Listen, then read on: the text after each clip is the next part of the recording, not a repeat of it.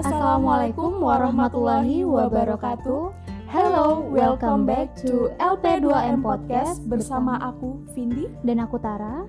Kalian ada yang kangen gak sih sama konten-konten yang disajikan LP2M? Nah iya, LP2M kan sudah lama vakum semenjak COVID Dan kali ini kami kembali hadir tentunya dengan konten-konten serta banyaknya cerita dari kisah sosok inspiratif mengenai isu perempuan dan milenial yang akan kami suguhkan.